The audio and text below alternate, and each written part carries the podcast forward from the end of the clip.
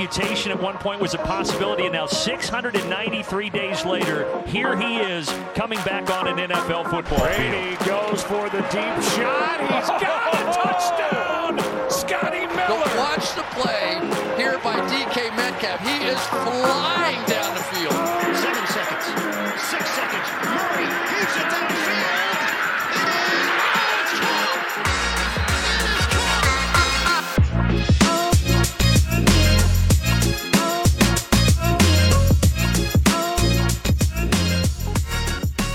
Welkom bij een nieuwe aflevering van de NFL Sport Amerika podcast. En het is alweer tijd voor week 3, de preview.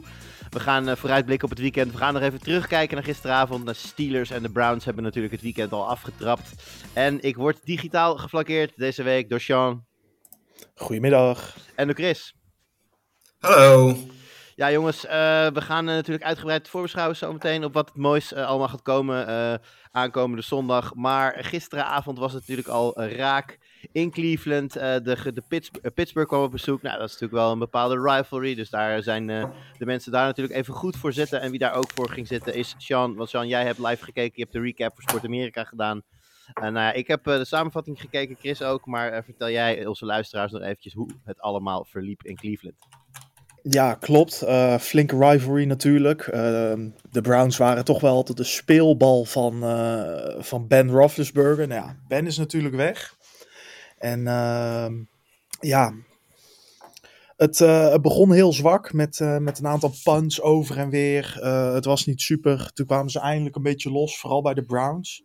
Ehm, ik moet toch even de, de catch natuurlijk van, eh, van George Pickens eh, eruit halen. Want eh, die deed een soort OBJ met zijn eh, one-handed catch. Ja, Ja, dat was zagen- verreweg de... Ja. We zagen de, de kerst van het jaar al in een hele vroege wedstrijd. Ik, ik zat er nog even te kijken. En waarom begint niemand over die push-off? Ja, daar was denk ik de catch gewoon te mooi voor. Ja, nee, ik Eh, snap- de refs vonden het goed. Ik snap het wel, want ik, als, als je daar een vlek gooit, dan staat de hele wereld op zijn achterste benen en is het weer de no-fun league en zo. Maar als je heel eerlijk bent, draait die gozer zich om, zie je met twee handen best wel duidelijk gewoon die, eh, die, die cornerback eh, af, wegduwen. Maar ja, die cornerback die verkoopt het ook niet echt. Die blijft gewoon meerennen en die maakt ook niet echt misbaar of zo. Misschien dacht hij ook van, nou ja, als jij die bal zo vangt, vriend, dan, dan hou, hou ik mijn bek lekker. Maar ik dacht echt van, oh nou, dit hadden ze best kunnen flaggen. Ja, het is toch George Pickens, die doet zulke dingen en komt ermee weg. Eh, maar eh, ja, voor mij echt wel inderdaad de catch van het jaar. Eh, het hielp uiteindelijk de Steelers niet. De Browns wonnen. Het werd nog even close. Een onside kick was toch weer lastig voor de Browns. Uiteindelijk hielp, hielp mee dat ze een, een penalty tegenkregen bij Pittsburgh en de bal out of bounds ging. Ja, volgens mij vast start, toch? Ik, zat, ik, zat, ik had die gezien en die onderste man die begint echt al te lopen. Die staat al op Die- twee meter voor die bal getrapt is. Ja, ja, die heeft hem al inderdaad bijna in zijn handen. Eh, maar ze- de hands team van de Browns zag niet lekker uit. Nou ja, eh, uiteindelijk krijgt Pittsburgh de bal terug met, eh, met uit mijn hoofd 9 seconden. Ehm, dan kan er wel weer een Benny Hill muziekje onder gezet worden. Want ze proberen een aantal lateral passes. En iemand laat hem compleet uit zijn handen vallen. En Denzel Ward kan erop springen om eh, ja, de, de eindstand toch iets te flatteren. Ja. Eh, beide teams waren close. Eh, het was echt AFC North, dus hard tegen hard. Eh, de passing game van Cleveland die viel mij heel erg op. Ehm, ook trouwens die van de Steelers. Mitch Trubisky en Jacoby Brissett zagen er wel echt goed uit. Ja, ik wil daar toch gewoon een kleine kant voor, voor, voor Mitch Trubisky en Jacoby Brissett doen, Precies. zeg maar. Eh, eh, eh, niet dat mensen denken die de wedstrijd niet hebben gezien dat we een soort eh Peyton Manning tegen Tom Brady hebben gezien. Dat niet. Nee, ze waren meer dan capabel in wat ze deden. Ehm, hielden de bal dra- of bewegend in het spel. Geen turnovers voor hun. Dus, eh, maar ik moet wel zeggen dat de Steelers vreselijk eh, hun pass rush misten. Ja, dat is tegenwoordig bijna alleen maar TJ Watt. Ehm, bijna geen druk op. Eh, volgens mij ook echt maar één of twee keer gesackt. Ehm, ja, Twee. twee keer. kreeg Twee keer. ruimte, ja. En eh, ja, de pass rush van, eh, van Cleveland die viel me ook wel tegen. Want eh, er was de hele tijd weinig, eigenlijk weinig druk. De run defense was dan wel weer een stuk beter eh, op een paar holes na. Maar eh, het was toch, eh, ja, voor teams die zich toch wel trots maken om wat voor defensie ze wegzetten, was het enigszins teleurstellend aan de, aan de defensieve kant van de bal op de muur. Ja, zeker waar. Eh, Chris, als jij even... nou, de Browns winnen, Browns zijn happy. Uh, bij, bij de Steelers natuurlijk veel discussie over de quarterback-positie. Uh, gaat deze wedstrijd daar nog in, iets, iets in veranderen? Nou ja, ik denk het uiteindelijk de lange termijn niet. Het zou uiteindelijk toch vooral gaan om, om het resultaat. En de Steelers krijgen straks over een paar weken gewoon echt een heel zwaar schema. En dan over een paar weken, rond de bye is gewoon het seizoen over. En, en dat is gewoon het moment om dan gewoon je om pits te gaan brengen en je nieuwe uh, quarterback neer te gaan zetten. Ja, ja, want er gaan natuurlijk, er gaan natuurlijk stemmen van, goh, uh, op deze manier gaat het sowieso niet lukken, dus je zou het ook nu kunnen doen. Maar wellicht dat, dat, dat de Steelers die, ja, toch wel die gauntlet die ze nog staat te wachten, uh, willen besparen, zeg maar. Ja, en wat ik al, net, net ook een beetje zei, Trubisky was nou ook weer niet zo slecht dat je denkt van, dit, dit kan echt niet. Uh, dus ja, uh, ik, ik, ik denk dat ze er nog heel even mee wachten, totdat het een iets gunstiger moment is, dat er iets verder is in zijn ontwikkeling. Uh, maar dat Trubisky het seizoen af gaat maken als, als quarterback, die kans is wel heel, heel klein. Ja, dat denk ik ook. We gaan even over die allerlaatste play, die, die, die, um, ja, die laterals die er gaan. Dat heeft voor de, de, de weddende mensen onder ons nogal wat, wat gevolgen. Want, door die, want hè, de bal eindigt uiteindelijk in de endzone van Pittsburgh en er valt een speler van Cleveland op. Wat dus een, een, extra touchdown betekende op dat moment. En daarmee kwam uh, de wedstrijd in de over terecht in plaats van de onder. Want die stond volgens mij op 40 punten en dan gingen ze daardoor overheen. De over-under voor Chase Claypool's receiving yard stond op 35,5. Die, die zakte hiermee van 41 naar 35, dus die deed ook wel pijn. En Najee Harris kon een extra fumble uh, bijschrijven, wat natuurlijk voor de fantasy spelers onder ons nog wel een, een, een dingetje kan zijn. Dus die ene hele gekke play aan het einde, die eigenlijk voor de uitslag niet echt meer een rol speelde, die heeft op andere plekken nog wel wat, uh, wat, wat gevolgen heeft. Volgens mij uh, zei een van de commentatoren ook iets dergelijks van, uh, ja, dit is nog wel van belang voor sommigen van jullie, waarmee hij natuurlijk op de, ja, de wedders en de, en de fantasy spelers doelde. Dus dat vond ik aan het einde nog wel, nog wel geestig. Goed, gaan we zo even door naar de rest van de wedstrijden. Maar ik, wil, eh, ik zat even te kijken, jongens, naar de, naar de slate die er aankomt. Welke wedstrijden stonden. Eh, Bills Dolphins trekt natuurlijk de aandacht, gezien wat die teams tot nu toe aan het doen zijn. Maar ik merkte aan mezelf dat ik aan het kijken was naar een paar teams waarvan ik toch niet zou bedenken dat ik uh, daar erg naar uh, vooruit kijk. Namelijk, ik kan niet wachten tot ik de aanval van de Jets en de Lions aan het werk kan zien. What happened? Hard knocks. Hard knocks happened. Ja, en In ieder geval bij Detroit. En de Jets? Ja, het is toch leuk om die underdog te zien. Uh, shinen. En uh, wat ze bijvoorbeeld vorige week toch die, die comeback hebben ze, hebben ze gecomplete tegen de Browns. En uh, ja, er gebeuren weinig slechte dingen om de Jets heen. En ik denk dat ze ook gewoon heel erg de gunfactor hebben door alle slechte jaren die ze hebben. Um, durven laten zien dat ze een nieuwe weg in zijn geslagen. En uh, ja, het is toch ook leuk om een, uh, een oude rot als Joe Flacco uh, toch weer goed te zien. Joe Flacco, maar dan ook met in mijn ogen op dit moment de, de best presterende rookie wide receiver, Garrett Wilson.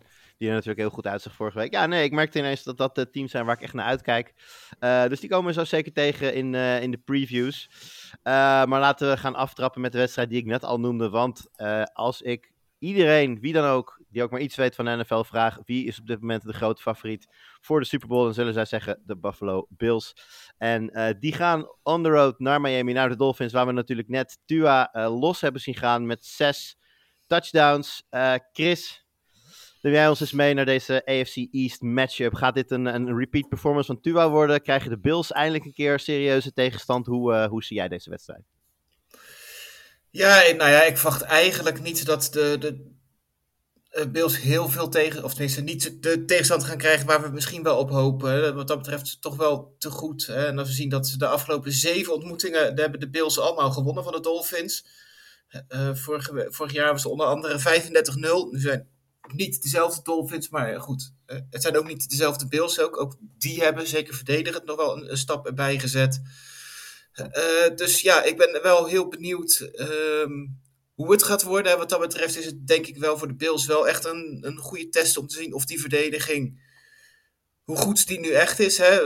We hadden van begin van het seizoen misschien gedacht, hè, top 10, top 15. Hè? En dat is met, met Josh Allen en alles wat hij heeft, Stefan Dix bijvoorbeeld, is dat genoeg? Zeker.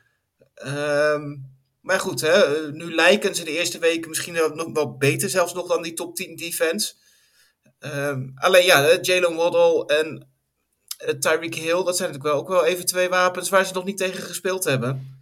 Ja. Dus eh, wat dat betreft wel een, een serieuze uitdaging. En ehm, goed om te gaan zien. En ik denk dat die kant van de bal, dat dat voor mij ook wel het meest interessante gaat worden deze wedstrijd. Hoe, gaat, eh, hoe gaan de Bills het verdedigend doen tegen de, tegen de Dolphins? Want eh, andersom verwacht ik eigenlijk niet dat, de dat de Dolphins eh, Josh Allen af gaan stoppen.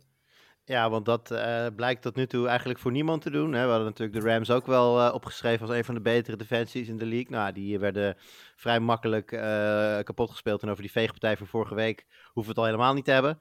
Ehm, wat moet, Sean, wat moeten de Dolphins doen om te winnen van de Bills? Het niet op een shootout aan, aan, aan laten komen. Oké, Ehm, gezegd hebben dat... dat Allen niet af te stoppen is. Hoe gaan ze dat dan doen?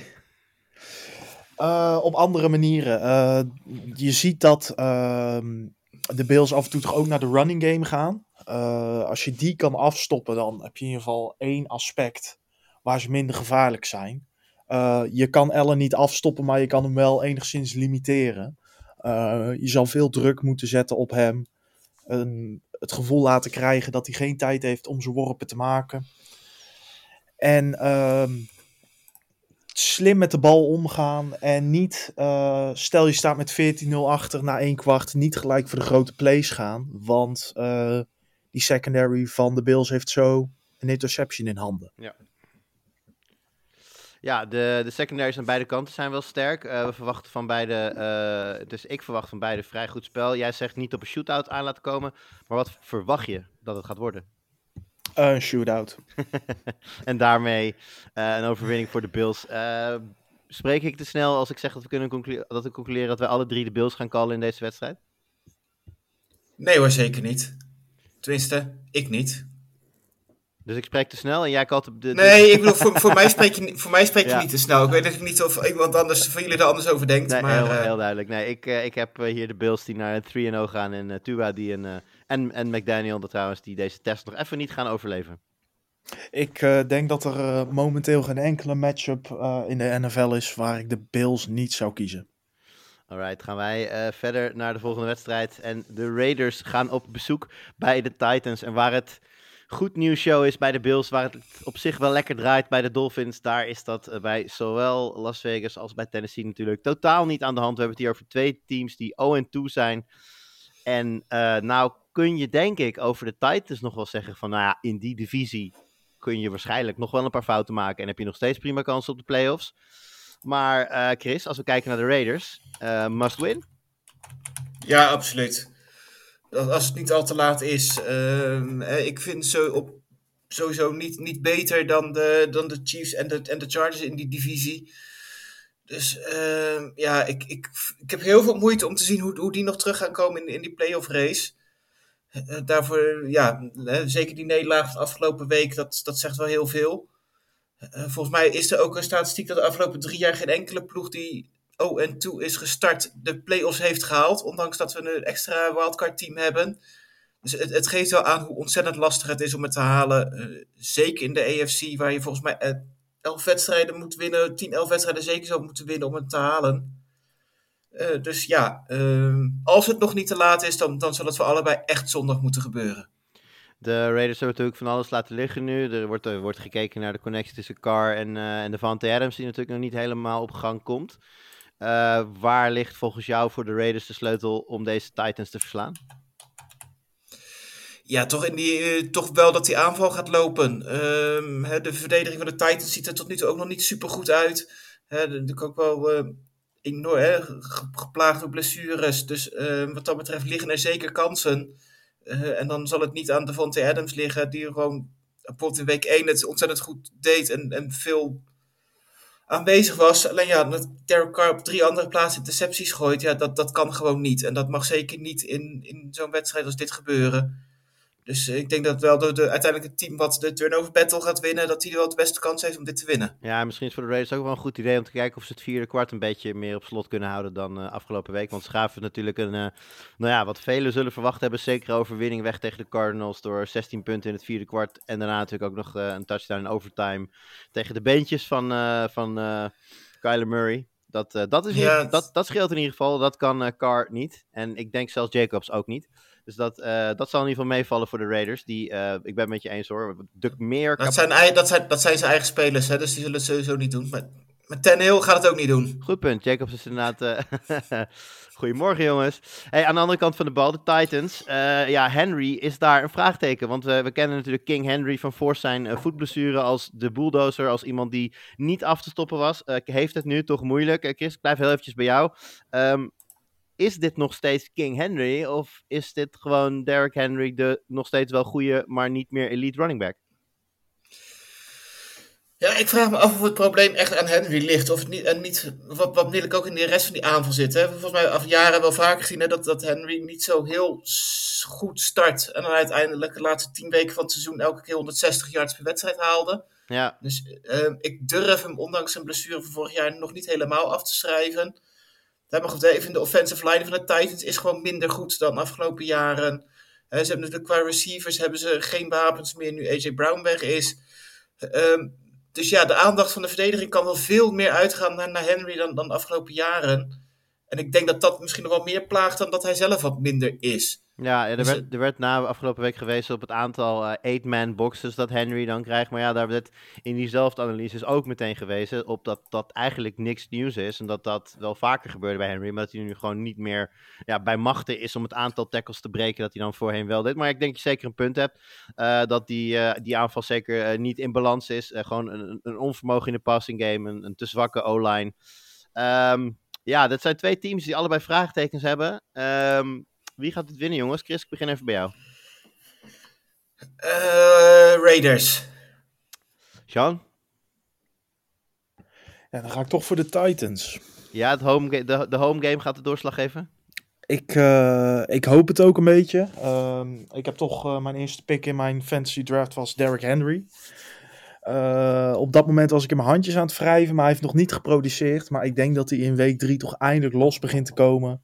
De roest van zich afschudt en eh, de verdediging van de Raiders te kakken zet. Ja, nou, ik kan je wel vertellen dat eh, in algemene zin, als je met je eerste eh, pick een running back hebt genomen, dan is de kans dat je ongelukkig bent, wat fantasy betreft, vrij groot. En als je wat later in de eerste ronde staat en je hebt een wide receiver genomen, is de kans dat je gelukkig bent vrij groot. Dus de running backs presteren redelijk onder over het algemeen, maar dat is een, een discussie voor een andere keer.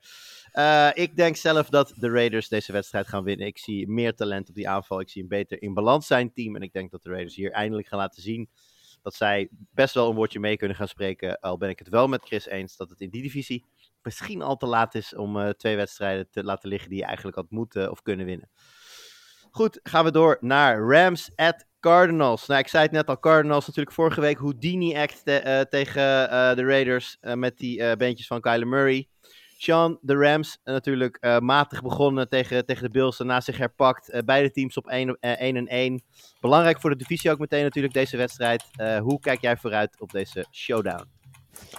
Ehm, ik denk dat ze bij de Rams toch een beetje achter hun oren krabben over hoe de wedstrijd tegen de Atlanta Falcons is geëindigd. Ze stonden natuurlijk met eh 28 tegen 3 voor en lieten ze toch nog wel heel dichtbij komen. Ehm, ik denk dat ze geen moeite moeten hebben met de Arizona Cardinals, hoe die er op dit moment voor staan.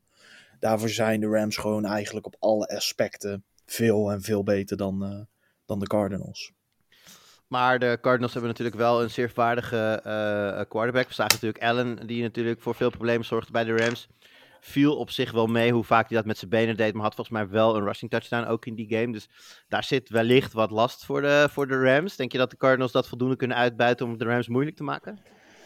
Ik schat de verdediging van de Rams hoger in dan, ehm, dan die van de Raiders. In ieder geval de verdediging die de Raiders hebben laten zien in de eerste paar Maar, wedstrijden. maar ik bedoelde, eh, Josh Allen in week 1 met de Bills, die liep natuurlijk ook een Mhm. aantal keer de pocket uit. Daar lieten de Rams zien dat ze hem ja, niet altijd eh, onder controle hadden. Ze toch een beetje last hadden met die mobiele quarterback. Ja, dat is tegen, dat is tegen Mariota was dat ook een klein beetje een probleem. Al, leid- al, al- al leidde dat toen niet tot een, eh, een fataal resultaat. Dus ik ben een beetje, ik ben gewoon benieuwd of die Rams defense, eh, want Kyler is denk ik puur als runner beter dan Allen en beter dan Mariota. Dus daarom vraag ik me af hoe die, hoe die confrontatie gaat. Ehm, Ik denk dat ze het wel lastig mee zullen hebben. Ehm, maar ik denk niet dat het een omslagpunt is in de wedstrijd. Eh, ik zie eh, Murray best wel een touchdown met zijn benen maken. Met hoe goed hij daarin is. En dat zegt dan meer over zijn eh kwaliteit met rennen dan over de defense van de Rams. Maar er zal de hele week op gehamerd zijn. Wat je ook doet, ehm, verlies hem niet uit het oog. Er zal waarschijnlijk een van de snellere gasten op defense gewoon bijna altijd zijn spy zijn. Altijd kijken, gaat hij ervoor? Gaat hij rennen? Ehm, maar ja, ze houden het gewoon constant in hun achterhoofd. En ehm, afstoppen kunnen ze denk ik niet helemaal, maar wel ver limiteren. Dat, die, eh, dat ze wel gewoon de winst uiteindelijk pakken. Ja, nou ja, dan eh, zal, eh, zal Murray het eh, natuurlijk ook niet in zijn eentje kunnen. Welke receivers zie jij bij de Cardinals tegen deze toch al bovengemiddeld goede secondary opstaan deze wedstrijd? Oeh, dat vind ik lastig. Ehm, ja, ik ben altijd fan van AJ Green. Ik was Ehm, zo bang dat je dat ging zeggen. altijd reliable voor, voor Murray, vent, ja. eh, tot nu toe. En ehm, ik denk dat ze hem toch ook alweer uh, weer gaan Nou ja, dat is absoluut waar, reliable wedstrijd. player. Maar eh, we hebben natuurlijk de, Ehm, de, voelt toch een beetje de ook wel lekker party van om- Dodge gehad de laatste twee weken. Ik ben, eh, ik ben fan van, van die man, vind ik een schitterende speler. Ja. Maar eh, ik denk dat ehm, ja, ze toch wel een lekker gevoel hebben, Green en, en Murray, dat ze, dat ze die game toch even naar de overtime eh, trokken Ja, voor zeker vorige week. En eh, ja, het gewoon door willen zetten. Sowieso denk ik dat het gevoel momenteel bij de Cardinals beter is dan bij de Rams. Ehm, zeker als je zag hoe de Rams ehm, thuis werden verslagen in week 1 en het toch niet lekker deden uiteindelijk in week 2 tegen een Ja. eh, toch vrij zwak team uiteindelijk. Nou hebben we de Rams zelf natuurlijk eh, tot nu toe in ieder geval amper een, eh, een running game waar we over moeten praten. We hebben in week 1 was natuurlijk ineens Akers een non-factor. Nou, die deed in week 2 weer iets, iets meer mee. Maar al met al was het over de grond niet veel. Stafford natuurlijk niet consistent begonnen aan het seizoen. Heeft zeker zijn Super Bowl vorm nog niet. Dus eigenlijk is het ja, Cooper Cup, Cooper Cup, Cooper Cup, dan heel lang niks. Dan nog een keer Cooper Cup en dan vraagteken. En ik vraag me een beetje af, zit daar niet een hele belangrijke zwakte van de Rams? Want stel nou inderdaad dat het wel, nou shootout zie ik hier niet helemaal gebeuren, maar ik acht met een, met een bepaalde wedstrijd de Cardinals best in staat om gewoon makkelijker te scoren dan de Rams. Simpelweg omdat je alleen maar op Cooper Cup hoeft te letten. Je mag antwoorden, maar het hoeft niet. Je viel bij mij compleet weg. Oh, hoorde jij me nog wel, eh, Chris? Dat ja, was- dat klopt. Ja, ik hoorde je wel. Ja. Oké. ja, goed, maar uiteindelijk gaat het ook wel gewoon om kwaliteit. Ik bedoel, je kan nog wel wat kwa- kwantiteit leuke receivers hebben. Maar goed, Cooper Cup is natuurlijk wel een, een, een klasse apart. En ik moet zeggen, de, de Rams... Het is misschien nog niet helemaal wat we verwacht hadden. Eh, Maar goed, ik vind wel dat ze in beide wedstrijden wel gewoon een helft gewoon goed gespeeld hebben. Tegen, wel tegen de Falcons, maar misschien ook wel even mensen nog een beetje vergeten dat het tegen de, de Bills bij rust ook gewoon maar 10-10 was. En dat eigenlijk gewoon een gelijk opgaande wedstrijd was. En dat de, de, de Bills ook daar niet zo domineerden als uiteindelijk in die tweede helft. Dat was ik Dus inderdaad betreft- vergeten. Zie ik wel wat meer potentie uiteraard bij de Rams dan, dan, bij, de, dan bij de Cardinals. En denk dat ze uiteindelijk gewoon de, de betere en bredere ploeg zijn. Dan eh, hoor ik jou hier al een call maken, volgens mij. Ja, zeker. Ja, Rams. En Sean? Helemaal met Chris eens, Rams. Eh, ja, het is wel heel saai als ik dan ook Rams zeg. Dus ik ga dan toch voor de flow en eh, hopen dat de Cardinals... er- En de, het thuisvoordeel natuurlijk ook nog voor de Cardinals. Ik, eh, ik geef hem aan de Cardinals bij deze.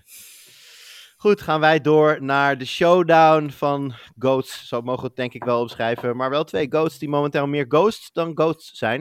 Ik hoop dat je dit allemaal nog een beetje kan verstaan. We hebben het natuurlijk over Rodgers tegen Brady in vervlogen jaren. Goed voor waarschijnlijk 60 punten als het niet meer is in zo'n wedstrijd. Ehm, eh, Chris, ik heb eh, alvast geld op de under gezet. Neem jij ons eens even mee naar deze wide receiver-loze wedstrijd. Nou ja, ehm, er staan twee eh, quarterbacks op het veld die een, een- enorm veel ervaring hebben, heel veel kunnen. Eh, alleen weinig mensen hebben in wie ze een, een bal kunnen gooien. En ehm, de grote vraag zal zijn eh, wie er op het veld staan. Hè, want er zijn ook nog wat, wat, wat vraagtekens bij. Maar ehm, bij de Packers staan volgens mij Watson, Cobb, Lazard en Watkins als twijfelgevallen.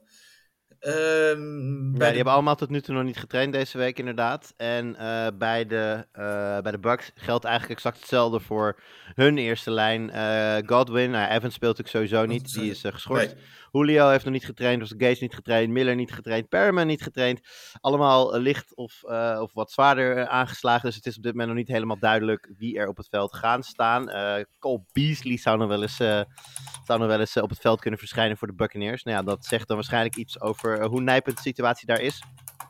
En Chris, wat misschien wel belangrijk is, kijk, Brady heeft natuurlijk een tijd gekend waar je bij wijze van spreken eh, de, de, de, de kok uit het restaurant van het stadion eh, kon neerzetten. En Brady gooide die bal wel in zijn borst. En ja, die, die, hoef je amper te vangen. Die bal die, ja, die komt gewoon naar je toe. En hè, die tijd is wel een beetje weg. Ik heb wel het idee dat we nu naar een Brady kijken die nog steeds het spel wel ziet, maar die niet meer ja, zo, zodanig zijn, zijn wil kan opleggen op zo, in zo'n game, dat hij van elke mogelijke receiver een ster zou kunnen maken.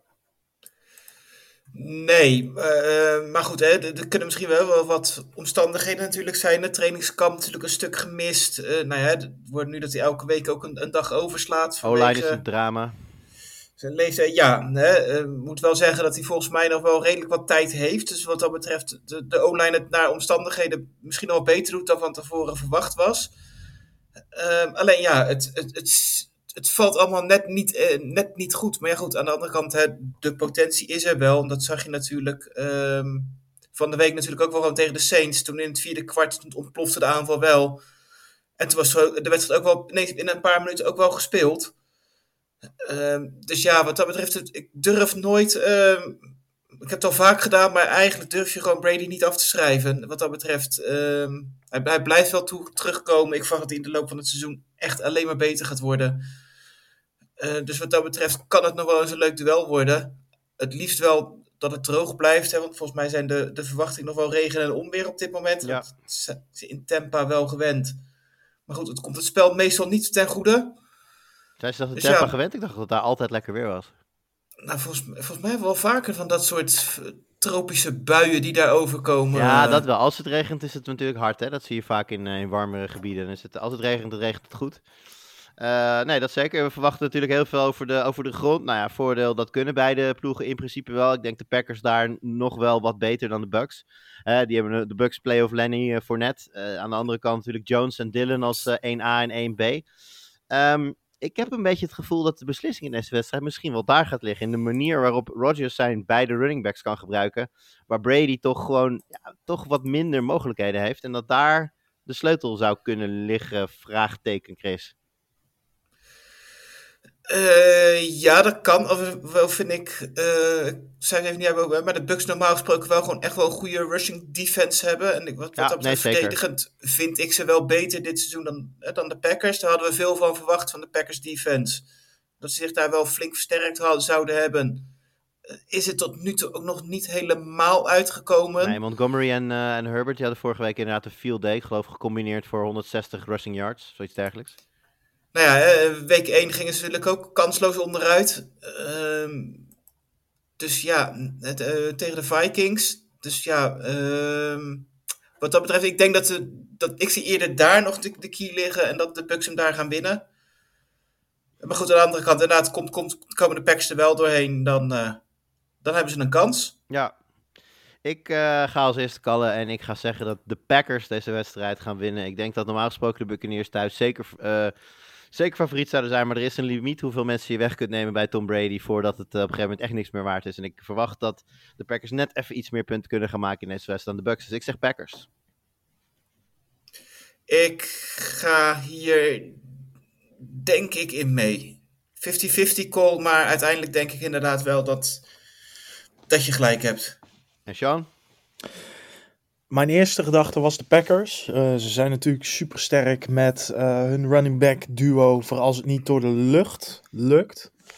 Maar ehm, ik denk dat eh, Brady zondag de klok terug gaat draaien tegen, tegen Rodgers en de overwinning uit vuur sleept. Hoe vaak heeft de jongen dat nou gedaan? Hoe vaak mag je in je leven een klok terugdraaien? Dat kunnen we het daar eens even over hebben. En wanneer, wanneer, wanneer mogen wij dat een keer doen dan?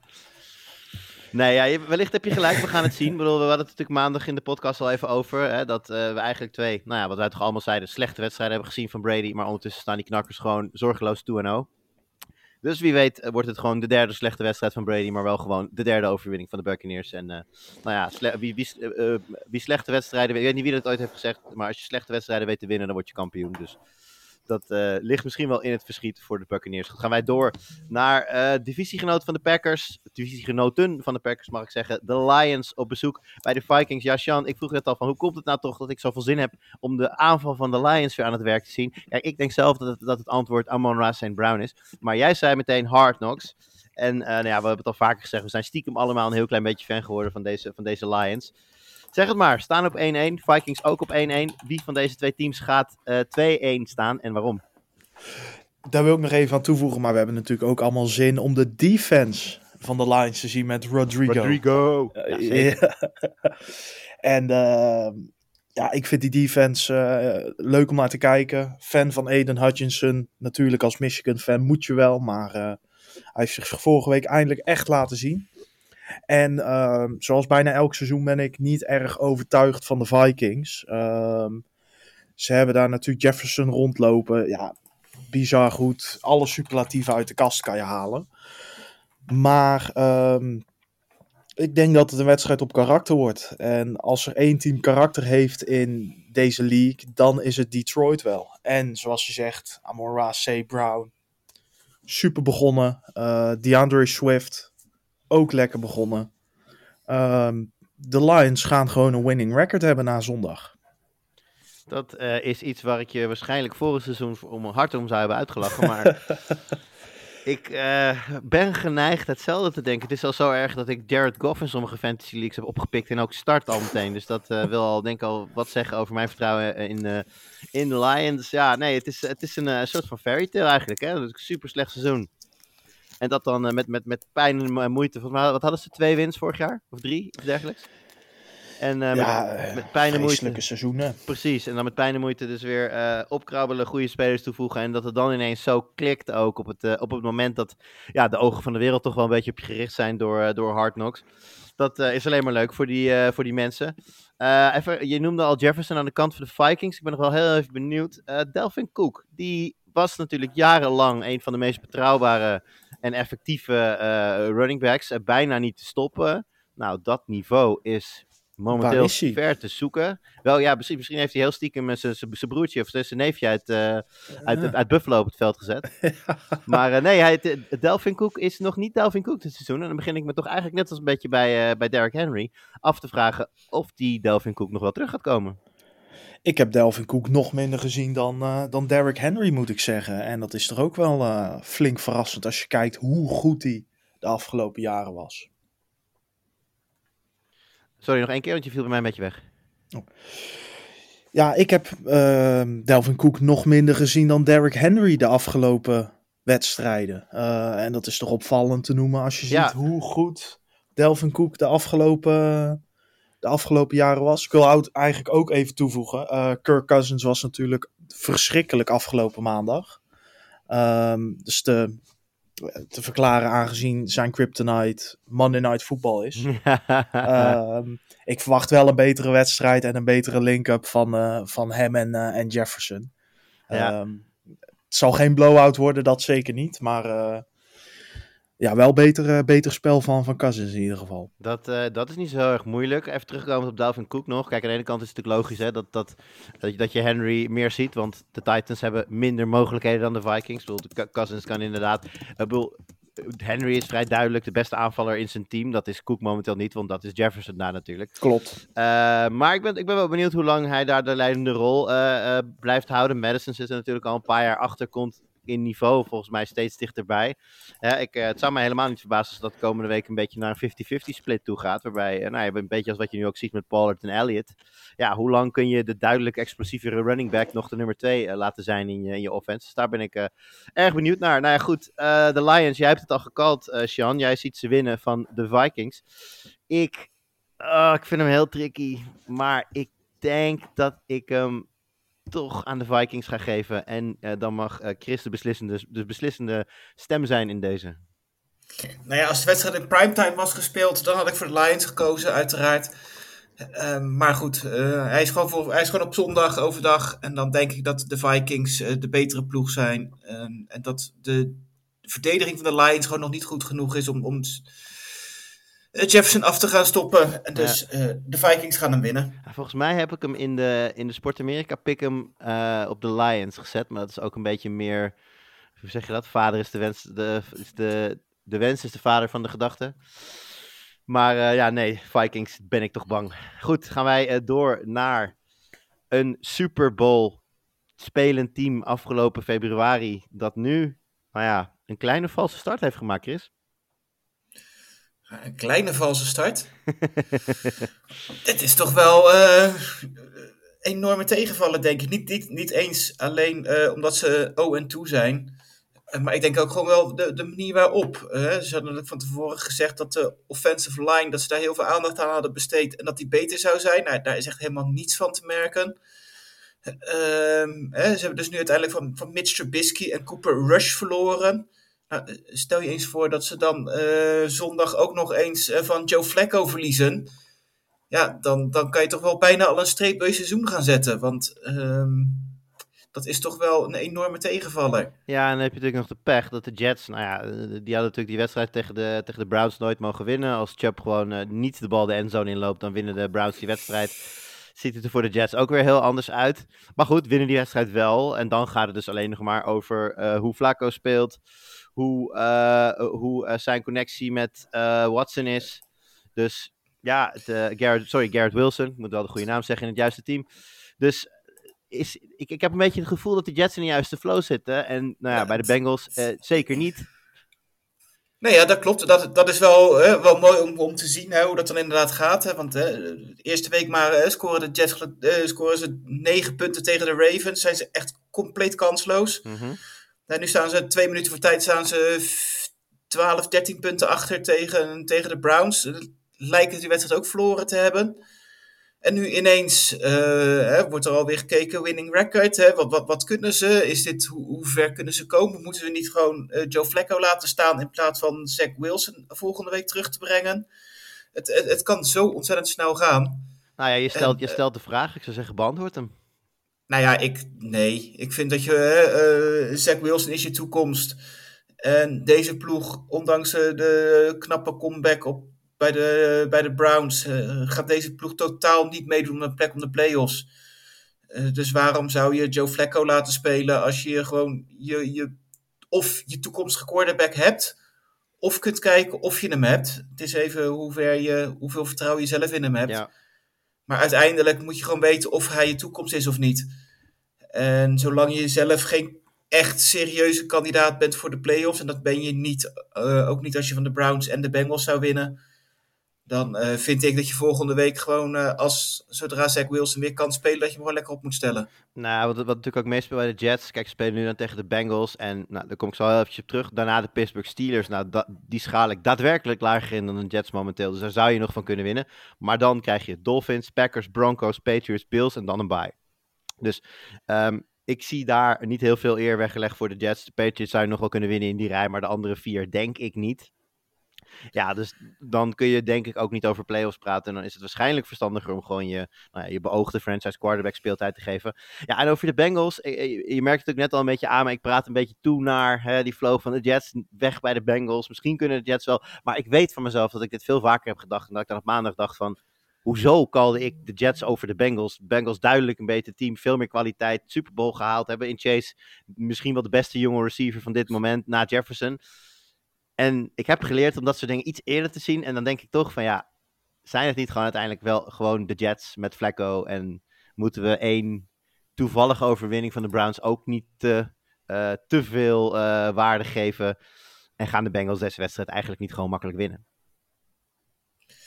Eh, makkelijk denk ik niet. Daarvoor spelen ze gewoon zelf ook gewoon niet goed genoeg en zijn er gewoon te veel problemen. Hè. De, Joe Burrow heeft ook, speelt ook niet, niet goed. Hè. Want ook op het moment dat hij wel de tijd krijgt van zijn offensive line, maakt hij ook fouten. Eh, dus ja, ehm, wat dat betreft denk ik niet. ehm, heb ik nog niks gezien van de Bengals om te denken dat dit even een walkover wordt. Maar als je zegt van hebben zij meer talent en is deze ploeg gewoon beter en verder, dan absoluut. En dus ja, ik verwacht wel dat ze hem gaan winnen. Uh, maar dit kan, wordt wel een wedstrijd die je op het eind van, de, van die Red Zone nog terug gaat zien, omdat het spannend is.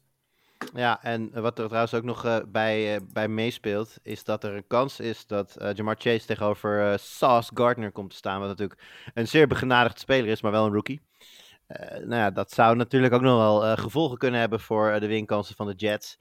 Um, dat allemaal wetende, call ik hier de Bengals over de Jets. Chris. Ik ook. En Sean? Ja, de Bengals wilden toch ook revanche voor vorig jaar. Want dat was natuurlijk de Mike White game uh, oh, vorig ja. jaar die ze eerste start maakten. Mike even meer dan 400. Ik was al ja, even, vergeten. Ja, en even meer dan 400 yards gooide de eerste Jets quarterback in zijn eerste start sinds Vinny Testaverde. Um, ja, nu staat Flacco er. Um, ja, ik, ik, ik, ik zie de Bengals dit gewoon niet verliezen. Uh, vorige week was er toch al. Hij was niet super Burrow.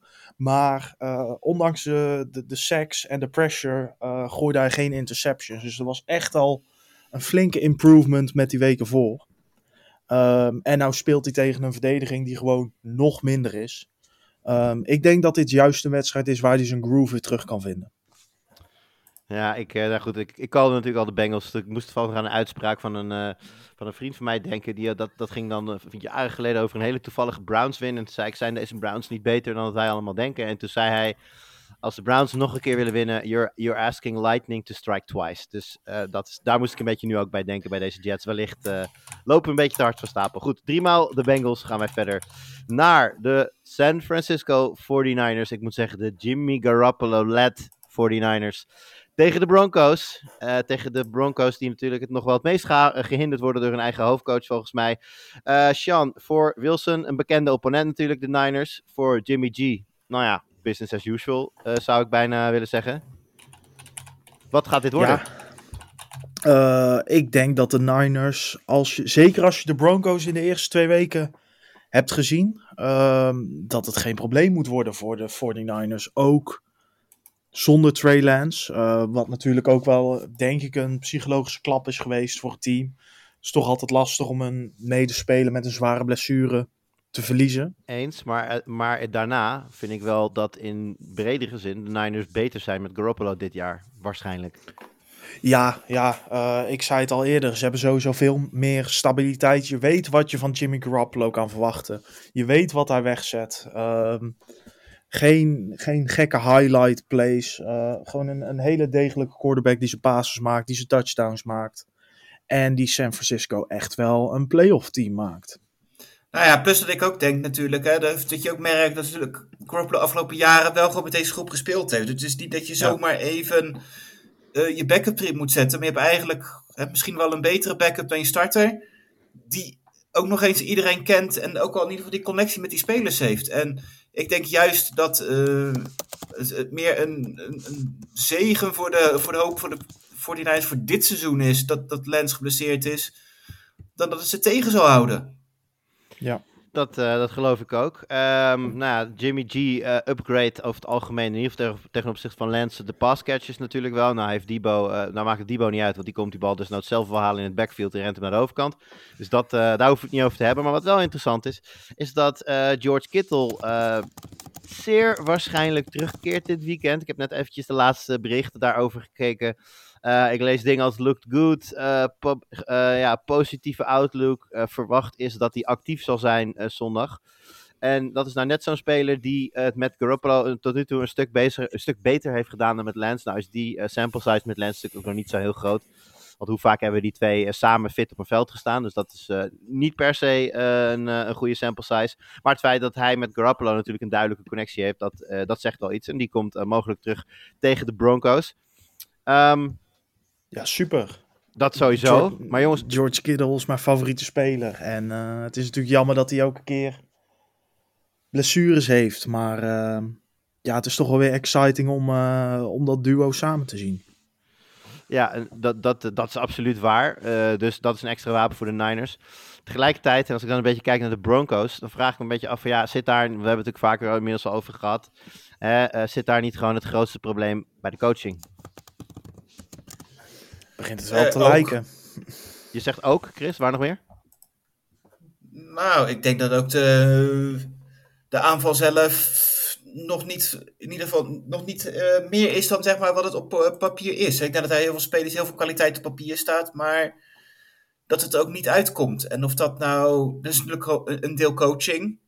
Ehm, maar aan de andere kant vraag ik me ook af of de spelers blijkbaar niet gewoon niet zo goed zijn als we zouden denken Ja. van tevoren. Nou, kijk, de reden dat ik erover begin, een stuk playcalling is een belangrijk deel. We hebben het eh, maandag in de recap al gehad over dat eh, de Broncos tot nu toe volgens mij vier keer eh, vier snaps binnen, binnen twee yards gedaan hebben. En dat werd steeds dan, of in ieder geval de, de laatste wedstrijd, en dat werd steeds een, een passing play waarbij vier keer de bal ook niet aankwam.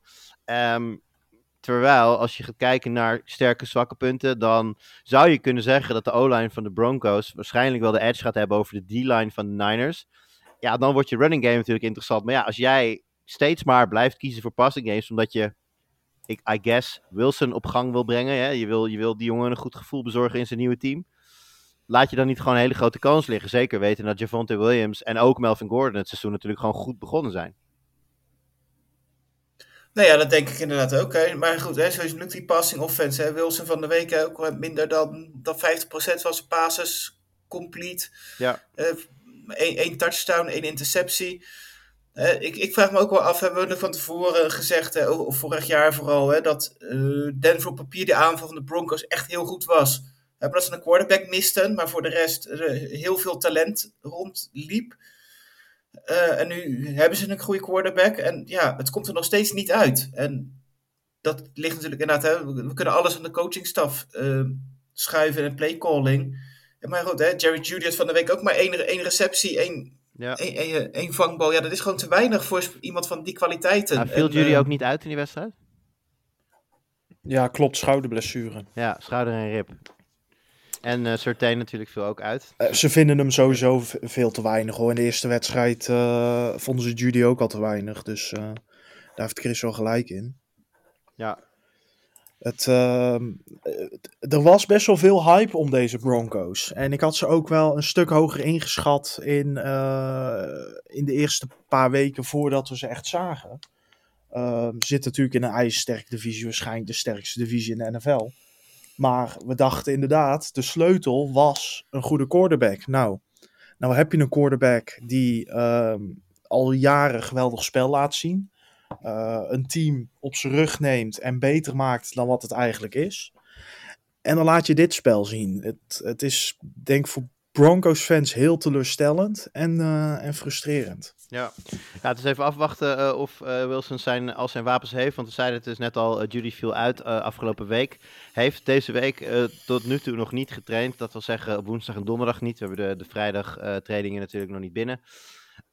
Ja, dat, dat, dat klinkt wel, wel iffy. Gelukkig voor de Broncos speelt Sertan zeer waarschijnlijk wel. Ehm, ja, nou, we gaan, we gaan afwachten hoe dat werkt. Ik denk zelf dat de running game van eh, de, de Broncos hier wel eens hele, hele belangrijke dingen kan gaan doen. En ik zet in op een home win voor de Broncos. Sean, wat doe jij? 49ers. En Chris? Ik ook, 49ers. Alright, nou, als ik, eh, zoals jullie gemerkt hebben, ga ik heel, pingpong ik heel rustig tussen jullie. Dan mag hè, dan een Chris-wedstrijd, dan een Sean-wedstrijd. Nu is Chris eigenlijk aan de beurt, maar we gaan het hebben over Cooper Rush en de zijne tegen de 2-0 New York Giants. Ja, en dan kan ik toch niet anders, eh Sean, dan jou vragen, zijn jouw Giants na dit weekend 3-0? Ik denk dat het heel close gaat worden. Ehm, je hebt natuurlijk bij Dallas Micah Parsons die eh, Daniel Jones het leven compleet zuur gaat maken. Het kan niet anders. Ehm, NFL schreef op hun site dat het misschien wel de laatste keer dat ze zo'n exciting jonge linebacker hebben gezien voor het laatst in de Meadowlands, eh, dat dat Lawrence Taylor was. Is wel een beetje een verre vergelijking natuurlijk, als je kijkt wat Lawrence Taylor uiteindelijk heeft weggezet. Maar eh, ook al is het de rivaal, je kan niet anders dan genieten van, eh van Micah Parsons, die nu al die hele verdediging op zijn rug legt. En ehm, ja, Cooper Rush eh, blijkt toch ook niet ehm, een vreselijke quarterback te zijn, maar juist gewoon iemand die zijn paasjes maakt en, eh, Ja. en rustig rondkijkt en niet constant zoekt naar die, die big, grote plays. Ehm, en New York blijkt een team te zijn wat, wat heel veel, eh, heel veel weerkracht heeft en niet, buig, niet barst, maar buigt. Dus ehm, ik, ik denk dat het eh, veel closer eh, wordt dan. eh, het, het had natuurlijk niet erg close geweest als Dak Prescott quarterback was geweest. Maar ehm, het, het, het is best mogelijk, die 3-0 na het weekend. Ja, iemand, eh, we zeiden natuurlijk maandag al, dus of Cooper Rush gaat 2-0 zijn, of de Giants gaan 3-0 zijn. Beide had je voor dit seizoen eh, niet eh, per se aanzien komen. Als we nog even kijken naar de aanval bij de Giants, zijn er natuurlijk een aantal opvallende dingen daar. Hè? Kadarius Tony, die bijvoorbeeld niet meer bestaat.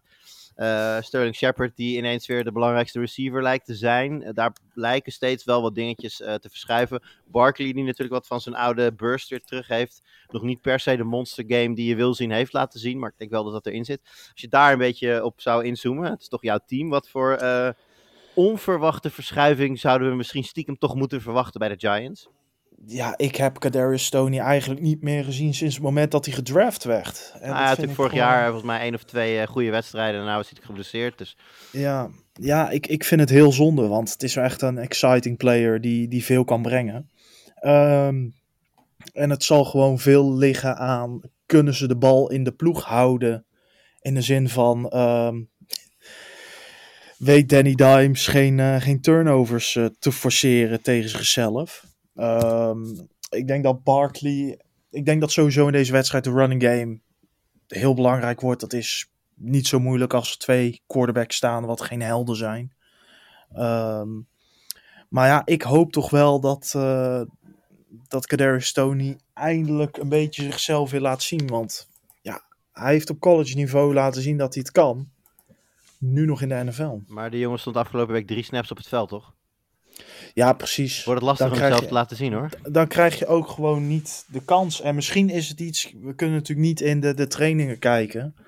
eh, hoe die zich daar opstelt. Ehm, wat ik heb gezien van de Giants met trainingen. is dat Debble wel een man is die, eh, die het lijntjes allemaal kort wil houden. en het toch wel in handen wil houden. Misschien is het een, een issue met discipline. Ehm, maar ja, je hebt toch wel playmakers nodig op je, je offense om, eh, om echt die winning record omhoog te brengen. En ja, ja Saquon Barkley, je kan hem eh, alle carries gaan geven, maar dan verpest je hem weer met blessures. En daar zit je als New York natuurlijk ook niet op te wachten. Zeker waar. Nou, aan de andere kant, eh, ik, ik zei het net al, hebben we natuurlijk ook een interessante situatie ehm, met Pollard en met eh, Ezekiel Elliott.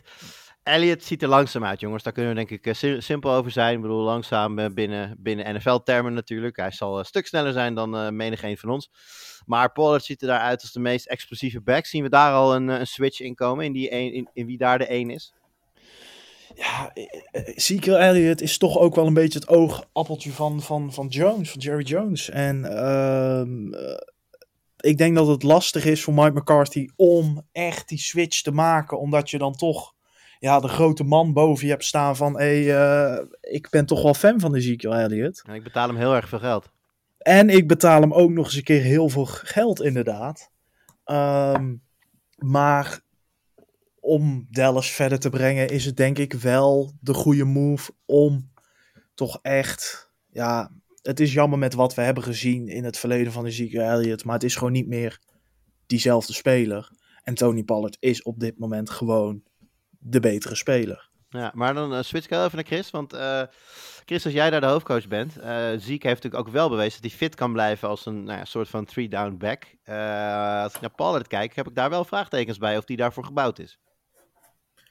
Ja, dat kan ik me voorstellen. eh, dat je inderdaad die vraagtekens hebt. En ehm, kijk, hè, ik kan me voorstellen dat, dat, dat ze iets meer gaan gebruiken langzaamaan. Deze had toch inderdaad afgelopen week wel een stuk effectiever was eh, Pollard. Eh, volgens mij, eh Elliot kreeg 15 carries, Pollard 9. eh eh, nou, Elliot 3,5 yard gemiddeld, Pollard een kleine 5. Dus ja, dat, dat scheelt best wel, best wel wat. Ehm, maar goed, ik ben het ook wel een beetje eens met eh, wat, Sean natuurlijk zegt. Hè, McCarthy, die zit natuurlijk op de hot seat. En ja, die kan het moeilijk eh, maken om, om Jerry Jones heel boos te maken. Dus ja, ik denk dat uiteindelijk alles toch wel iets meer in het voordeel van Elliott spreekt. En dat ze juist misschien juist Pollard juist wel zo effectief is, omdat hij niet zoveel hoeft te rennen. In plaats van dat Elliott dat constant kan doen. Ja. Nou jongens, eh, ik zou zeggen, kalm maar. Sean, ik begin bij jou. Ik moet voor de Giants gaan. Na zo'n start, ehm 3-0. Nou, dan ik zou zeggen, berg je maar. Want als een New York team 3-0 staat, dan weet je wat er in de New York media gaat gebeuren. Dan sta je, al, sta je praktisch al in de Super Bowl. Ja, en dan, dan winnen alle teams in New York. De Yankees winnen de World Series. De Knicks winnen volgend jaar eh, de NBA Finals. Oké, nu, New York nu- sports are back. Oké, nu het doubt. Eh, Chris, wie zie jij hier winnen? Eh, ik zeg dat de Giants worden de Panthers van, eh, van dit jaar. Dus eh, die Ah, ja. komen nog wel op 3-0. Alrighty. Eh, ja, dan eh, ga ik denk ik toch maar... Ja, Cowboys zeggen. Fuck it, waarom ook niet? Cowboys. Alright, zo- zoals jullie horen ben ik zeer overtuigd van mijn, eh, van mijn pick. Ja, iemand, iemand moet de andere kant op gaan, jongens. Ja. Goed, eh, Chris, Chargers. Ik ben benieuwd, ben benieuwd of er dan iemand bij deze echt voor een, een, een andere pick gaat. Of dat we op, eh, op één lijn zitten. nou, dat eh, gaat voor een belangrijk deel afhangen van de eerste vraag die ik aan jou heb. Hoe gaat het met Herbert? Nou ja, eh, dat is een goede vraag. Maar Herbert kennende gaat hij eh, gewoon spelen. Eh, nou heb ik wel gehoord dat hij waarschijnlijk een, een injectie moet krijgen. Die ze ook bij Tyrod Taylor hebben moeten doen twee jaar geleden. Dus, oh, dus dan eh, gaan ze zijn long doorprikken. Oh, dat risico is er wel aanwezig. Ik hoop dat ze ook wel op, op coach eh, of bij de dokters ondertussen iemand eh Nee, die, is- erin die hebben wordt- gezet. dat is dezelfde. En die wordt ondertussen aangeklaagd door Tyrod Taylor. Oh, Ja, Sorry, misschien, is- heb ik, misschien heb ik onder een steen gelegen, maar vertel meer. ja eh, Tyrod Taylor is natuurlijk niet blij met de manier hoe hij daar de starting job is, eh, is verloren. Door een, eh, een, eh, een punctie in zijn long, eh, ingeklapte long. En eh, ja, toen kwam Herbert als, eh, als rookie, eh, als starter eh, met eh, Taylor out. Ehm, ja, en daar is Tyrod Taylor, nu die backup is bij de New York Giants, toch nog steeds niet zo blij mee twee jaar na dato. En eh, ja, hij wil toch eh, hij wil geld zien. Ja. Ja, ik ben heel benieuwd hoe dat af gaat lopen. Ik heb zo het idee dat, eh, dat, de, dat de clubs dat gewoon wel hebben afgekocht in allerlei kleine lettertjes van wat hun werknemers doen. Dat dat niet zomaar als liability, daar zijn ze in Amerika over het algemeen vrij goed in om dat dicht te timmeren. Het valt nog mee. Hij, eh hij suit slechts voor 5 miljoen. Wat, eh, wat voor eh, de Amerikaanse rechtbanken natuurlijk een dubbeltje is. Dus het Ja. valt nog mee met, voor Ja. wat hij hem aanklaagt. Nou, we gaan het in ieder geval zien. De laatste berichten zijn, hij is limited at practice. Dus dat betekent dat hij in ieder geval wel suited up is. En nou, meestal betekent dat ook wel een bepaalde intentie om te gaan spelen. Eh, mocht dat niet zo zijn, dan komt de onvolprezen Chase Daniel binnen de lijnen als eh, quarterback voor de Chargers. En eh, nou ja, Chris, ik zei het al, ik denk dat daar wel iets van af gaat hangen. Want mocht dat zo zijn, dan schat ik deze wedstrijd toch een heel klein beetje anders in dan wanneer eh, Herbert er staat. Ja, ik moet zo eerlijk zijn om te zeggen dat als Justin Herbert speelde, we zagen natuurlijk heel duidelijk eh, in de wedstrijd tegen de Chiefs, dat hij echt wel last had van die bestuur. Je zag hem op een gooien en toen, of een stukje rennen, gooien en toen echt een beetje ineen, echt ineen kruipen van, van, van, van de pijnscheut die dat dan oplevert. Ja, ik, ik weet niet of het fair is of om, om te verwachten dat dit zeg maar de LA Chargers zijn die wij kennen. Eh, nee, absoluut met je eens. Maar goed, hè, eh, ondanks alle opval, eh, opbeurende resultaten blijft het wel gewoon maar tegen de Jaguars. Dus ik, ik blijf wat dat betreft wel hopen dat, dat, dat hij gewoon kan spelen. Dat hij gewoon zijn redelijk zijn normale niveau kan halen. En ik denk dat het voor hun goed is om, om snel dat verschil te maken. Zodat je misschien wel een derde kwart zo naar de kant kan gaan halen. Ja. Ja, je hebt natuurlijk de Chargers. Want we kijken nu natuurlijk naar de offensieve kant van de Chargers. Chargers hebben natuurlijk ook geïnvesteerd in hun defense. Ik weet niet zeker of JC Jackson alweer fit is. Die deed afgelopen week volgens mij niet mee. Eh, oh, wacht, die deed tegen de, tegen de Chiefs Eh. alweer. Die deed eh, ja, tegen de Chiefs wel weer mee. Eerste wedstrijd heeft hij gemist. Khalil Mack natuurlijk daar ook. loopt daar ook rond. Dus daar loopt sowieso in de defense al genoeg rond om het Lawrence flink lastig te maken. Ehm, ja, wellicht dat daar eigenlijk al voldoende voordeel voor de Chargers ligt. om dit niet heel spannend te laten worden. Nee, ze hebben ook het voordeel dat de, de Chargers op donderdagavond al speelden. Dus gewoon wel Ja. weer extra tijd om voor te bereiden, extra rust. Ehm, ik, Herbert, dat, die zal niet voluit kunnen gaan. Ehm, maar goed, laten we hopen dat, eh, dat het in ieder geval meevalt. Hè. Ik bedoel, ik zit heel even... eh, Keenan Allen ook wel geblesseerd, dus dat zou nog wel een verschil kunnen maken. Maar volgens mij valt het ook wel mee en zal hij ook op het veld eh, zal hij wel gaan spelen. Ja, hij is nog steeds gelimiteerd in, eh, in de trainingen. Was natuurlijk vorige week tegen de Chiefs er niet bij. Eh, toen ving eh, Palmer in zijn plaats een, een touchdown. Dus dat is even afwachten of hij wel of niet speelt. Ik denk dat ze, dat ze voorzichtig met hem gaan doen. En de Chargers ook wel zelf inschatten dat ze een goede playoff kans hebben. Ja, waarom zou je dan je nummer 1 wide receiver in week 3 al eventueel over tekst het veld laten gaan? Dus als er ook maar een beetje last is, dan verwacht ik eigenlijk dat Keenan Allen gewoon niet meedoet. Ook gezien zijn leeftijd natuurlijk. Uh, maar dat zal uh, niet per se een vervelend uh, gevolg hoeven hebben, want ze hebben voldoende uh, passcasters over daar. Um, afgaande op jouw vertrouwen in Herbert en jou, wat je zegt van als ik hem een beetje ken, dan speelt hij wel. ga ik met je mee en call ik de Chargers over de Jaguars. En ik zag ja. deze week een, een opvallende vergelijking. de enige quarterback die zijn tiende uitwedstrijd wel won en de eerste negen verloren was Peyton Manning. Nu heeft Trevor Lawrence ook zijn eerste negen uitwedstrijden verloren. Um, maar ik moet zeggen dat ik Trevor Lawrence toch wel een stukje lager inschat dan Peyton Manning. Hey, Peyton Manning had ook een verschrikkelijk rookie season, hè? Met uh, ja, interception dat, all over the place. Ja, ja, inderdaad. Het interception record dat hij in zijn eerste seizoen even wegzette. Maar uh, het, het, was voor mijn tijd, maar uh, ik denk dat je aan het begin van het tweede seizoen toch al wel meer improvement bij Peyton zag. Uh, en inderdaad, het eerste seizoen toch ook wel uh, enigszins zijn brilliance van later. Dus ik denk dat, ja. zeker als Herbert fit is, dat dit geen probleem moet zijn voor de Chargers. Nou ja, Chris, jij gaf hem al redelijk weg. Ook Chargers? Yes. Ook Chargers. Gaan we door naar de Baltimore Ravens at de New England Patriots. Baltimore Ravens gaan dit winnen, jongens. Volgende wedstrijd? Uh, ja, nee, prima. Laat ik hem, laat ik hem maar even ja. heel kort eventjes doorheen doen. Uh, Patriots zeer zoekende nog steeds op offense. Uh, ja, ik, ik, we hebben het al vaker gezegd, maar gewoon geen duidelijkheid daar in de offense. Twee offensive coordinators die soms heb ik het idee door elkaar heen praten. Um, nou ja, tegen de Steelers was het genoeg, omdat de Steelers natuurlijk zelf ook niet zoveel in huis hebben. Maar ik verwacht een, een lastig seizoen voor de Patriots. En dat uh, zal tegen de Ravens niet anders zijn. Ravens die tegen de Dolphins natuurlijk een fantastische eerste helft speelden. Daarna zoiets hadden van, ah, nou, volgens mij zijn we er wel. Volgens mij is de wedstrijd afgelopen. Bleek niet zo te zijn, verloren de wedstrijd. Dus zal, zullen, zal Baltimore ook flink wat aangelegen zijn om eventjes wat uh, genoegdoening te halen. En uh, de Patriots hebben natuurlijk een bovengemiddeld goede defense. Maar ik denk dat dat niet voldoende gaat zijn om de, om Baltimore zo weinig te laten scoren dat de Patriots mee kunnen doen op offense. Dus wat ik denk namelijk, en uh, correct me if I'm wrong jongens, maar zodra de Ravens over, nou wat zal het zijn, 20 punten heen gaan, dat de Patriots dan niet meer bij machten zijn om mee te gaan in die score. En dan uh, ja, zal de wedstrijd af, afgelopen zijn. Nou moet je natuurlijk wel zo eerlijk zijn om te zeggen dat de, uh, de, Ravens defense er zeker in de tweede helft tegen de Dolphins heel erg slecht uit, uitzag. Jason Pierre-Paul is nu zelfs aangetrokken door de Ravens om de linebackers een beetje te gaan versterken. Dus ja, het is zeker niet zo dat de Ravens nou zo shutdown zijn. Maar ja, ik, ik verwacht dat het krachtverschil, uh, als je het naast elkaar legt, te groot gaat zijn. Dat het niet spannend gaat worden. Dus ik uh, call hier de Ravens. Geweldige fit overigens, Jason Pierre-Paul bij de Ravens. Ik vind dat gewoon heel erg passen. Zo'n guy met natuurlijk zo'n zo'n rare hand, echt wel zo'n dog.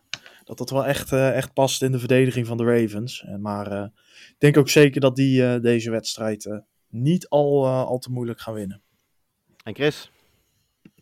Ja, Patriots fans die zich ineens in de underdog-rol gaan manoeuvreren. Dat, nee, dat valt je niet, hè? Oh, vertrouwen toch niet, dus... Uh...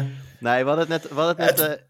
Voor, de, voor de opname had ik het heel even met Sean over de Browns. En toen hadden we het over het nieuwe logo, weet je wel. Dat uh, hun oude logo was in, tussen 59 en 69, toen ze ook nog wel eens wat wonnen. En dat hebben ze dan nu dan op de middenstip. En ineens beginnen ze weer wedstrijden te winnen. Dus zei ik al tegen Sean... Ik heb het lek boven. We moeten gewoon een hele grote foto van Tom Brady op die middenstip daar uh, afdrukken. en wellicht dat er dan weer wat magie terugkeert bij de Patriots. Zoiets. Misschien dat daar een, een, een, een oplossing ligt. Ja, wie weet. Nou ja, ja, ik kan me niet voorstellen dat wat we nu gezien hebben van de Patriots, dat dat, dat gaat worden het hele seizoen. En... Ja, ik denk dat er vooral establishing the run game, want dat is natuurlijk de, ja. de Patriots van de laatste jaren het succes dat ze hadden kwam over het algemeen, en zelfs de laatste Super Bowl, met name over de grond. En ik denk dat zodra uh, het koppel Damian Harris en Mondre Stevenson beter gaat lopen, dat je ook wat meer ruimte gaat krijgen voor Mac Jones en zijn passcatches. En dat er dan heus wel eens uh, gewonnen gaat worden. Ik denk alleen dat de Ravens op offense gewoon te sterk zijn uh, om nu op dit moment in week 3 al, al aan mee te, mee te gaan doen voor de Patriots. Nou, laat ik zeggen, de Patriots die dwingen twee intercepties af en winnen hem toch. Dit is gewoon een pure jinx. Ik, ik hoop het. Ik ook. Nou ja, dan gaan we lekker door met. eh, nou, ja, eh, we hadden natuurlijk afgelopen maandagavond twee wedstrijden. De Bills eh, wonnen makkelijk. En aan de andere kant wonnen de Eagles. Ik zal niet zeggen net zo makkelijk, maar ook heel makkelijk. En toen had ik zoiets van: Goh, zouden dit niet gewoon, is dit niet gewoon dan de Super Bowl? Eh, eh, ja, het is geen preview, want ze speelden niet tegen elkaar. Maar zouden de Eagles dan niet nu gewoon topfavoriet zijn voor de NFC-spot in de Super Bowl? Kom er maar in, Chris. begint er wel steeds meer op te lijken. Eh, in, ieder geval dat ze wel, wel echt mee kunnen gaan doen. Hè? Ehm, Helpt natuurlijk dat er geen Bills rondloopt in de NFC. nee, hè, wat dat betreft. En misschien dat de Chiefs en de Chargers ook wel allebei beter zijn dan de Eagles. En die zitten ook lekker allemaal in de AFC. Ja, nee, wat dat bedoel ik. In de AFC is dat natuurlijk de is- moordend. Ja, de NFC is denk ik wat, wat gelijkwaardiger. Ik denk dat nou de Packers zullen ongetwijfeld wel weer gewoon bijstaan. Weet je, de Bucks die krijgen straks weer iedereen terug. En, en die zijn goed. En de Rams zie ik niet zo goed als vorig seizoen. Maar goed, hè, die, met, met de 49ers die kunnen ook hele gekke dingen doen. Dus er zijn nog wel ploegen genoeg waarvan ik zeg joh, het is geen uitgemaakte zaak. Hè, wat, wat dat betreft ehm, zijn we nog niet zo ver. Maar goed, hè, ik denk wel dat Jalen Hurts heeft laten zien wel echt enorme stappen gemaakt hebben dit, dit offseason en nu. Hè, dat hij ook, ook door de lucht, hè, eh, natuurlijk, hè, het helpt dat je in plaats naar AJ Brown gooit in plaats van naar Jalen Rieger. Dat scheelt wel het een en ander. Oh, oh Rager heeft een bal gevangen afgelopen weekend. Ja, dat was ook verrassend dat dat gebeurde. Maar goed, ehm, en wat dat betreft, de wapens zijn er. hè, het, het ziet er echt wel heel goed uit. Offensive line is echt heel goed. Verdedigend is het goed. Dus ja, eh, weinig, weinig om te klagen. Hè? En ehm, wat dat betreft, hoop, gaat er wel, mag er wel een beetje van uitgaan dat ze met de commanders in ieder geval geen problemen mogen hebben. Ja, de Commanders natuurlijk, eh, Eagles uitstekend het seizoen begonnen. Ik denk dat je heel terecht zegt dat Hurts eh, nou laat zien dat hij een stap vooruit zet eh, dit seizoen. Eh, Commanders met Wens vooraf ah, niet super veel van verwacht. Denk ik dat ze toch een stuk sterker zijn begonnen dan dat menigeen had verwacht. Hè. Natuurlijk ook een, eh, een lekker trio aan, eh aan passcatches met McLaurin, eh, Logan Thomas en Dodson. Dan heb je natuurlijk ook nog Curtis Samuel als uh, Zwitserse zakmessen tussendoor lopen. Waardoor je eigenlijk niet eens merkt dat de run game niet zo heel fantastisch is. Uh, zouden de Commanders hier kunnen gaan verrassen? Of denk je dat de Eagles daar toch gewoon te sterk voor zijn? Nou ja, ik denk dat de Eagles daar toch wel gewoon te sterk voor zijn. Hè? Ik bedoel, de Commanders doen het re redelijk. Ze hebben wel thuis tegen de Jaguars gespeeld. Hè? Verlies uiteindelijk wel redelijk kansloos van de Lions. Uh, dus ja, het, het, het, zijn ook niet dat ze het echt tegen nee. topteams al gespeeld hebben. Nee, en, dat is waar. En wat dat betreft denk ik wel dat ze... Dat is de, de eerste, test, zeker... eerste test voor de Commanders dit. Ja, en, en als je dan net al tegen de Lions ook al gezakt bent, dan uh, denk ik toch wel dat, ze, dat de verdediging uh, van de Commanders niet goed genoeg is om, om deze Eagles af te stoppen. Ja, dan vind ik, ik weet alleen niet of je de Lions daarin als schaatmeter kunt gebruiken. Want er is natuurlijk lang, er is natuurlijk een situatie geweest waarin je kon zeggen van, oh, als je van de Lions verliest, dan... Maar ja, we hadden het er, uh, we hadden het er al na week 1 ook al over. Van, ja, uh, toen hadden natuurlijk de Eagles en de Lions een hele, hele close wedstrijd die de Eagles dan wel wisten te winnen. Maar iedereen had het eigenlijk over hoe moeilijk ze het met de Lions hadden. En toen zeiden we hier ook al van, goh, zou het niet gewoon zo zijn dat de Lions dit, dit jaar veel beter zijn? Dat het helemaal niet zo'n schande is om een close wedstrijd te spelen tegen de Lions? Dat denk ik namelijk. Kijk, en, die, en, daar zie je ook meteen het verschil. Want de Eagles weten die wedstrijd wel te winnen en de Commanders duidelijk niet. Maar nee, dat, moet, dat, dat ze ja. verliezen van de Lions aan zich vind ik op zich niet per se een, een, een ja, echt een, een, een, minpunt of zo. Nee, nou goed, ik ben er wel benieuwd uh, hoe de Lions zich even wat, wat, verder ontwikkelen. Ik had wel naar die wedstrijd zitten kijken natuurlijk, Eagles, Lions. Hè. De Eagles kwamen vrij snel 17 punten voor of zo. En dat hebben ze wel heel lang lang volgehouden. En dat op het eind scoren de, de Lions nog twee touchdowns of, of, zoiets, of tien punten in ieder geval.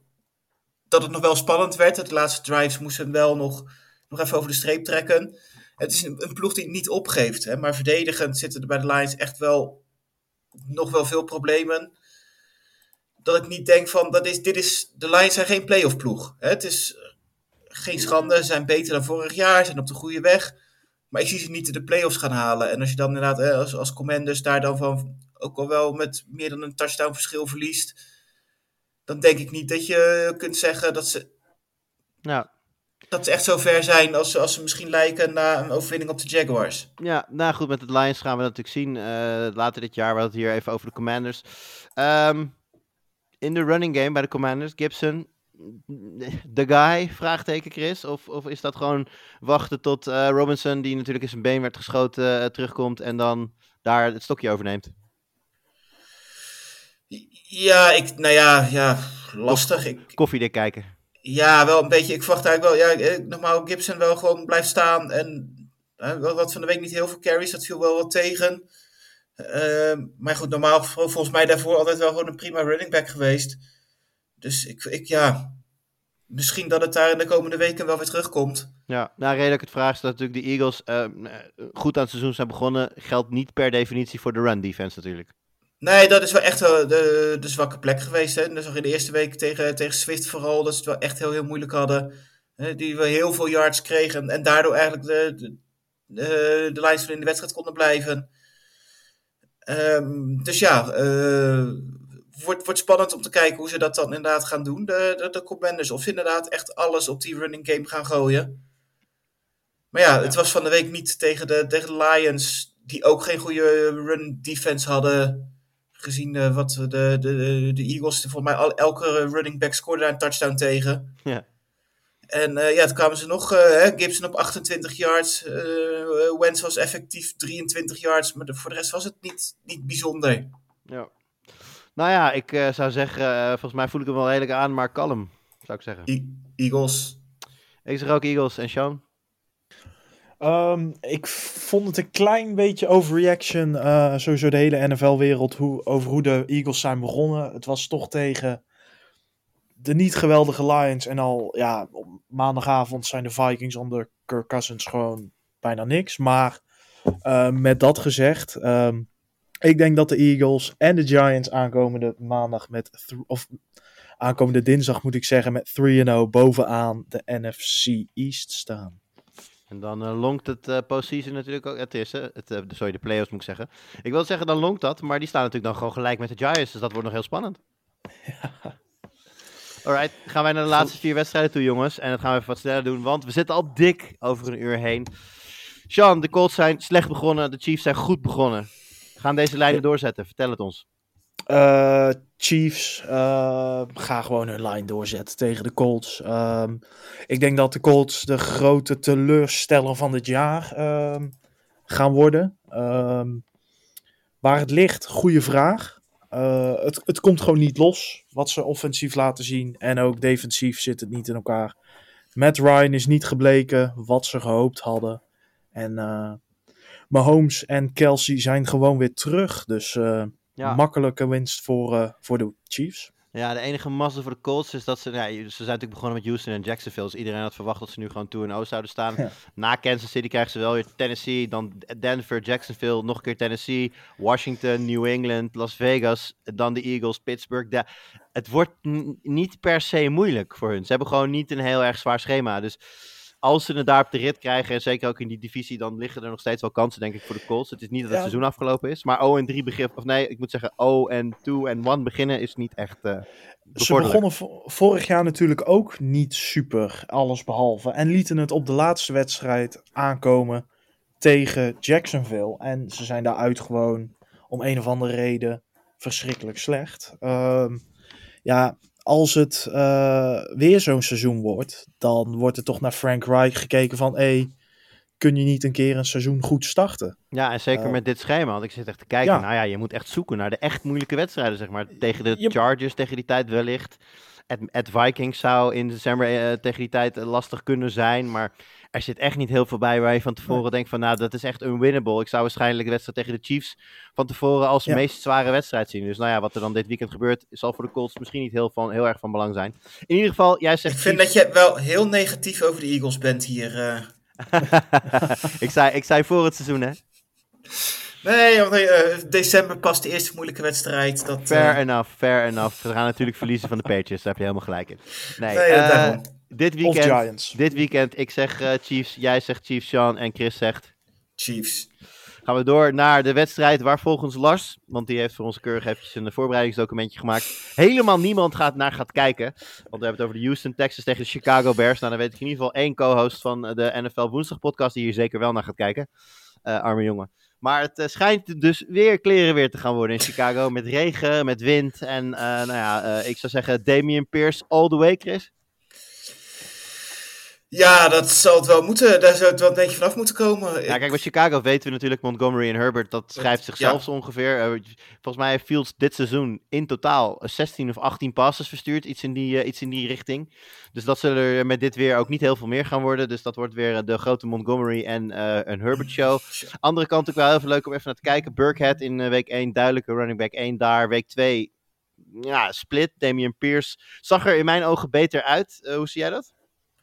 Nou ja, absoluut. hè. Dat is eh, misschien een van de weinige lichtpunten voor de aanval van de, de Texans. eh, ondanks dat ze natuurlijk al een taai hebben en, eh, en zo nog niet heel goed uitzien. Eh, maar dit is inderdaad wel een van de weinige lichtpuntjes waar ze misschien wel, wel op voort kunnen bouwen. Ja, wellicht. En is dat een genoeg lichtpuntje om te gaan winnen in Chicago? Nou, de AFC South heeft nog geen, geen enkele wedstrijd gewonnen ehm, buiten de divisie. Zeg maar alle overwinningen tot nu toe die ze hebben, dat is gewoon omdat ze tegen iemand anders speelden in de divisie. En soms lukt dat ook niet, want het werd een tegelijk spel. Dus eh, ik denk dat dit gewoon, nog wel even doorgaat. Ik, eh, ik ga toch op de Bears zetten.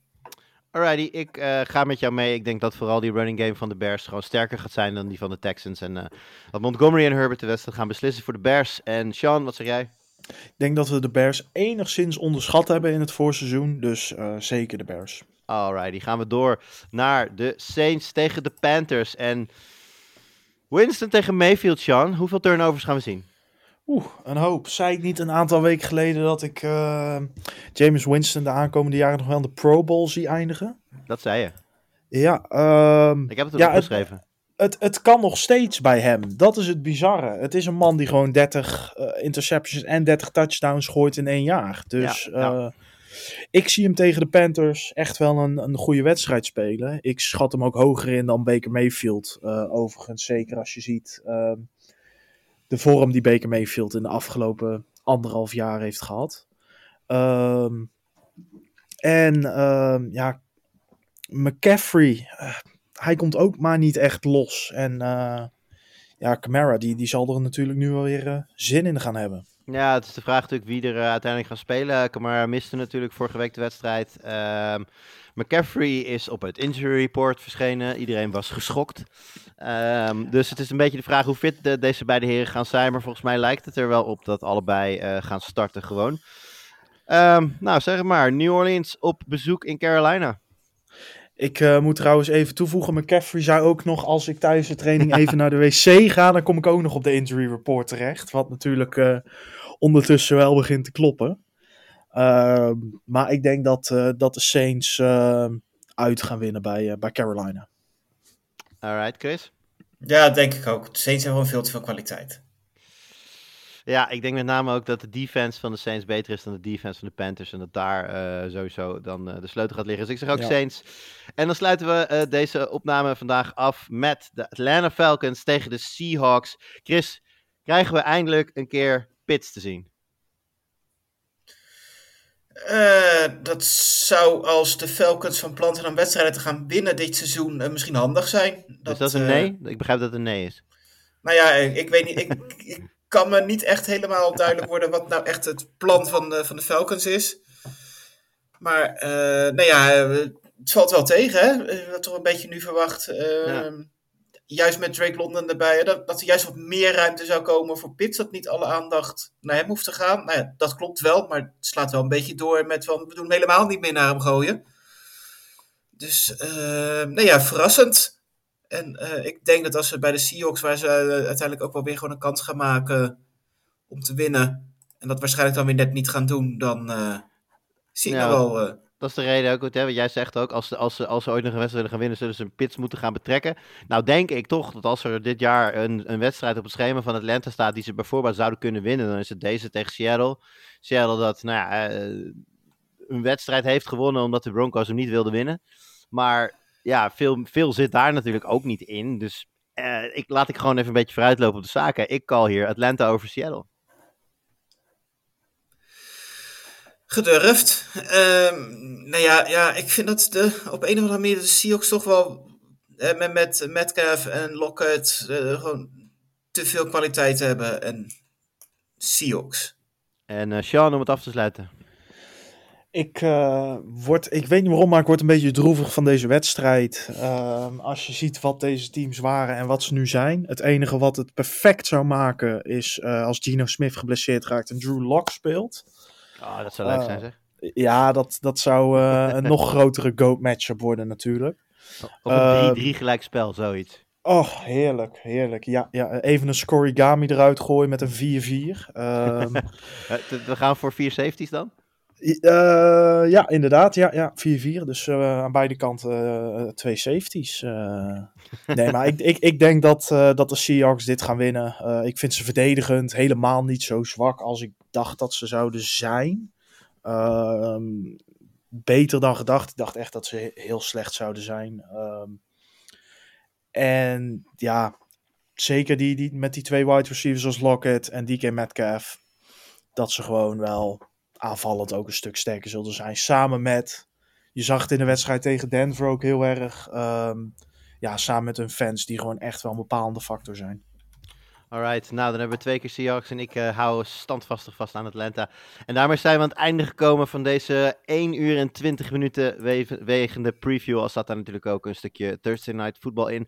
Nog even voor de goede orde, eh, alles wat we hebben besproken is op zondag. En met daarbij de Niners Broncos op zondagavond. En dan nog op maandagavond is eh, jouw wedstrijd Sean Cowboys op bezoek bij Giants. Dat is Monday Night Football. Dat eh, nog even vermeld hebben. Dan weet je ook weer wat je kan verwachten op welk moment. En alle andere wedstrijden kom je zondagavond dus tegen in Red Zone. Heren, bedankt voor jullie inzichten weer. Wij spreken elkaar na het weekend weer als we gaan recappen over dit weekend. Luisteraars, hartstikke bedankt voor het luisteren. Ik zei het al, na het weekend gewoon weer een recap show natuurlijk. Alvast heel veel plezier aankomende zondag en we spreken elkaar volgende week.